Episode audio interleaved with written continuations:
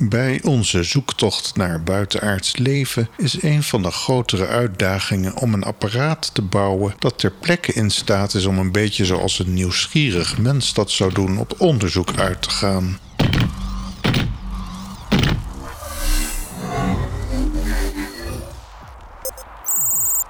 Misschien vergaat het u wel een beetje zoals mij.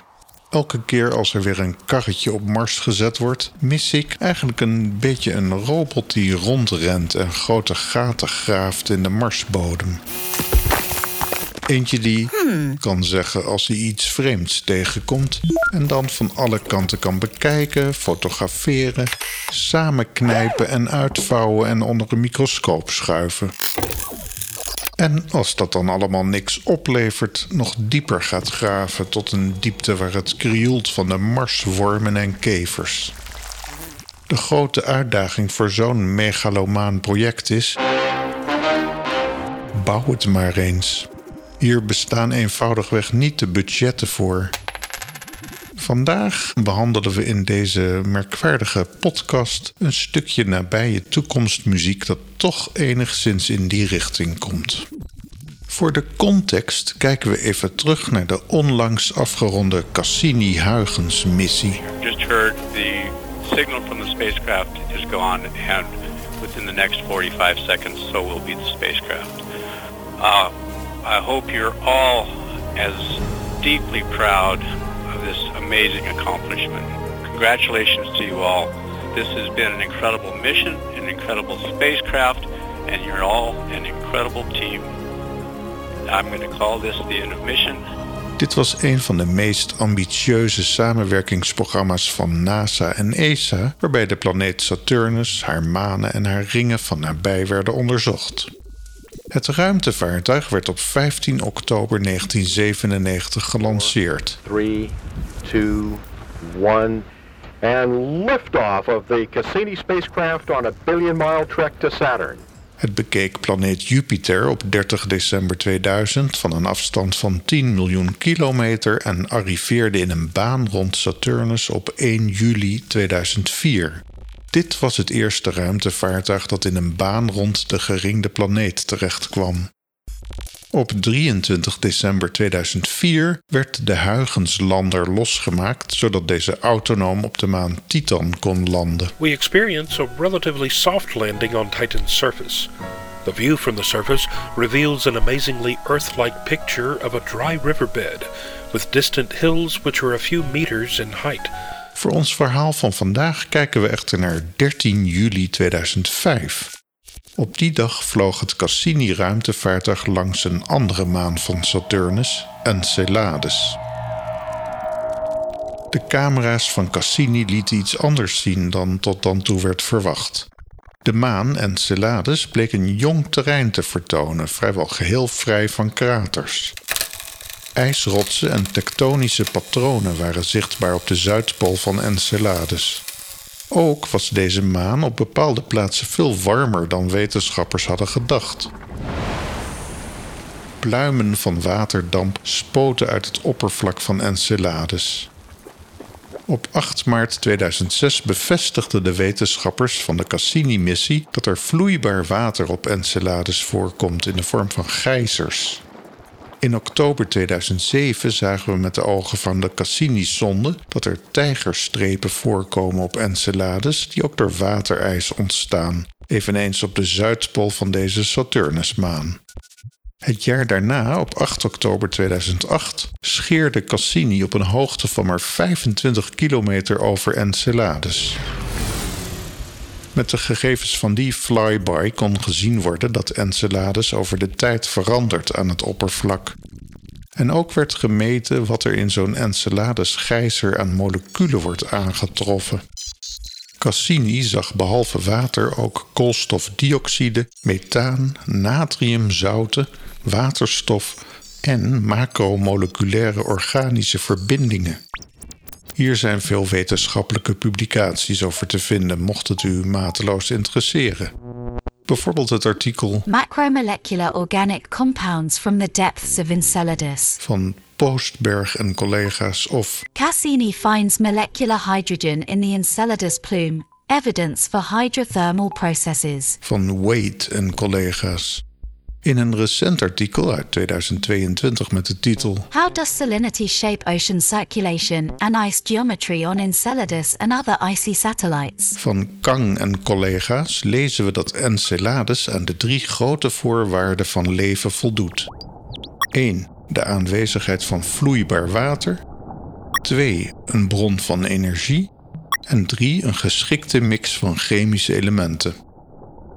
Vanuit astrobiologisch perspectief is Enceladus dus een van de eerste plekken om naar buitenaards leven te gaan speuren. Maar dan zijn we weer terug bij de teleurstelling van het begin van deze aflevering. Want stel dat we een ruimtevaartuig op Enceladus weten neer te zetten,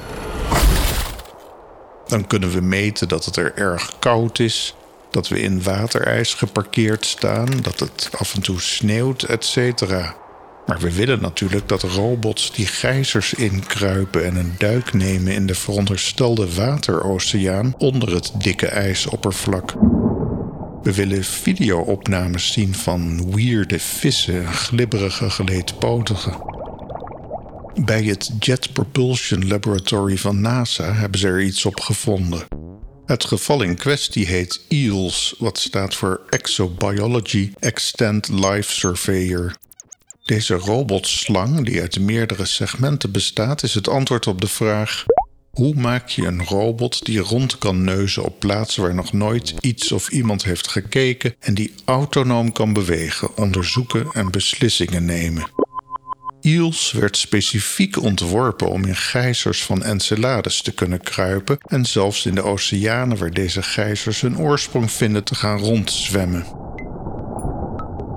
Het huidige prototype van Eels is ongeveer 4,9 meter lang, weegt 100 kilogram en zit aan een lange draad die de robot voorziet van 80 volt gelijkstroom en een ethernetverbinding onderhoudt met Eels.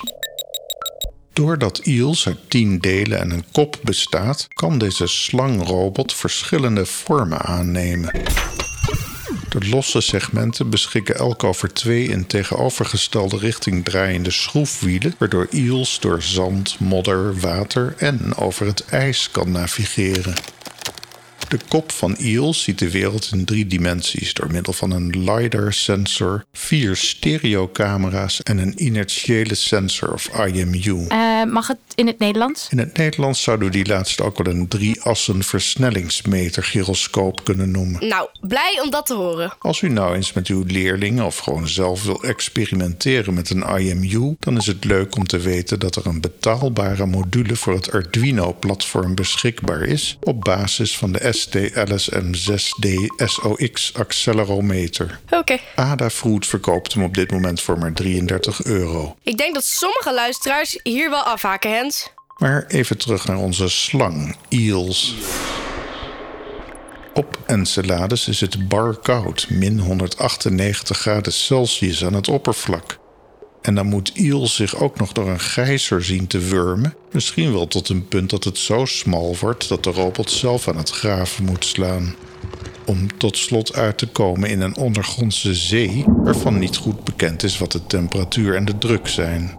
De sensoren aan boord van Eels kunnen de temperatuur, druk en elektrische geleiding continu monitoren, terwijl Eels ondertussen hoge resolutie videoopnames maakt.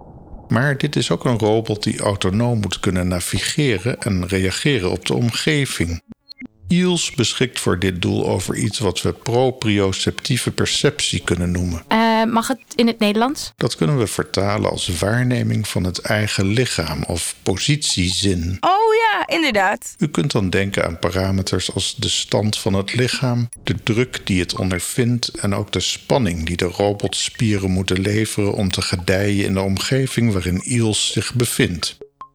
De draad waar Eels aan zit klinkt in eerste instantie misschien als een beperking, maar dit is in mijn ogen een gouden vondst.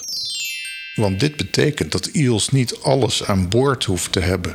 De voeding, de computer die de sensordata registreert, interpreteert en daarna voortbeweging van Eels regelt, dat alles zit in een basisstation dat op het oppervlak van Enceladus kan blijven staan. Het is zelfs voorstelbaar dat dit basisstation beschikt over een katrol die Eels weer naar boven kan takelen als er een probleem mocht ontstaan. Op deze locatie in het zonnestelsel heeft een ruimtevaartuig weinig aan zonnecellen, dus de kans is groot dat Eels uiteindelijk aangedreven wordt door een radioisotoop thermoelektrische generator. Heb je een vertaling? Dit is een batterij die aangedreven wordt door radioactief verval van bijvoorbeeld plutonium-238. Dat klinkt mogelijk heel gevaarlijk en mysterieus, maar is wel simpel te begrijpen. Plutonium-238, een radioactief en kankerverwekkend materiaal, vervalt langs natuurlijke weg in uranium-234 en uiteindelijk zelfs in lood. Bij dit proces komt warmte vrij. Die warmteproductie is redelijk constant en kan jaren duren. Door middel van een thermoelektrisch circuit kan de hitte worden omgezet in elektriciteit. Het eerste prototype van EELS werd al in 2019 gebouwd. Het team van NASA JPL dat EELS ontwikkelt, streeft naar het snel ontwikkelen en testen van verschillende iteraties van EELS, zodat veel geleerd kan worden over een ideale robotslang.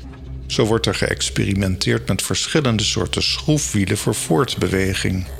20 centimeter brede plastic schroefwielen zijn ideaal voor rulterrein, terwijl metalen, scherpere schroefwielen Eels beter over het ijs laten bewegen. Omdat Eels adaptief moet zijn en ook in onvoorziene omstandigheden moet kunnen blijven functioneren, kan het zijn dat de uiteindelijke versie die naar Enceladus afreist een mix van metalen en plastic schroefwielen krijgt. Ja, dat is logisch. Hoofdontwikkelaar van JPL, Hiro Ono, zegt dat een veelzijdige robotslang ontwerpen bestaat uit veel pionierswerk. Dit omdat er nog weinig ervaring mee is opgedaan in de geschiedenis van autonome robots, vergeleken met bijvoorbeeld rondrijdende karretjes of wandelende robots. Verwacht wordt dat EELS uiteindelijk 48 servomotoren krijgt die ook registreren hoeveel ze door de omgeving tegengewerkt worden voor die proprioceptieve perceptie. Met die informatie kan EELS van vorm veranderen om bijvoorbeeld door een gijzerschacht naar beneden te klauteren, waarbij de robot genoeg druk moet uitoefenen op de omgeving om niet naar beneden te lazeren. In de show notes van deze aflevering vindt u nog twee links naar een YouTube en een Vimeo-video. De grote vraag is natuurlijk wanneer we de hoge resolutie video's vanaf Enceladus mogen verwachten. Ja, dat is de vraag. Liefst met allemaal buitenaardse wezens erop. Maar dat zal nog wel enkele jaren gaan duren. Het EELS-team van NASA JPL hoopt een conceptversie in het najaar van 2024 te kunnen presenteren. Dan moet er nog een missie ontworpen worden die EELS naar Enceladus brengt.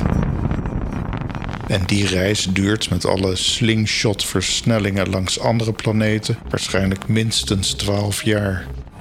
Maar het verwarmt in ieder geval de bodem van mijn hart dat er mensen zijn die hier aan werken. En heel, heel misschien zie ik er nog wel wat van als ik in het bejaardentehuis hier in Beeldhoven mijn beschuitje met hagelslag zit te eten. Tot de volgende keer. Targeting the strongest jet, a spacecraft would land near the jet's source, a vent in the ice. Once on the surface, the Exobiology Extant Life Surveyor Robot, or EELS, would leave the lander and travel to the edge of the vent opening. After assessing its surroundings, EELS anchors itself to the surface to push against the force of the vapor coming from the jet. It then places its sensor head into the jet streamline. From this first of its kind surface experiment, scientists will learn more about the mechanisms driving the jet activity and the chemical makeup of the spray. But to truly characterize the ocean that lies beneath, eels must venture deeper. Guided by pressure sensors, eels would autonomously follow the flow of vapor streaming up the vent. It pushes on the side walls of the vent conduit, where the ice, heated and pressurized by the vent flow, acts remarkably like ice here on Earth. Eels consists of many counter-rotating threads that act as self-propelling ice skates that grip and move the robot forward against the jet forces. By adopting a spiral configuration, Eels adapts to the vent's uneven interior. It reconfigures itself as it goes, based on the forces its sensors measure from pressing against the walls. Researchers think that, deeper down, the vents most likely constrict to a smaller diameter, forming a narrow throat. Eels is designed to adapt to this, becoming a self driven screw, able to power through this point of greatest pressure and flow. Once in the water, Eels propels itself using its spiral threads and uses its instruments to see if it swims alone. And maybe one day, on a follow up mission, this intrepid robot might venture even deeper to the hydrothermal vents on the moon's sea floor to search for possible alien nurseries of life.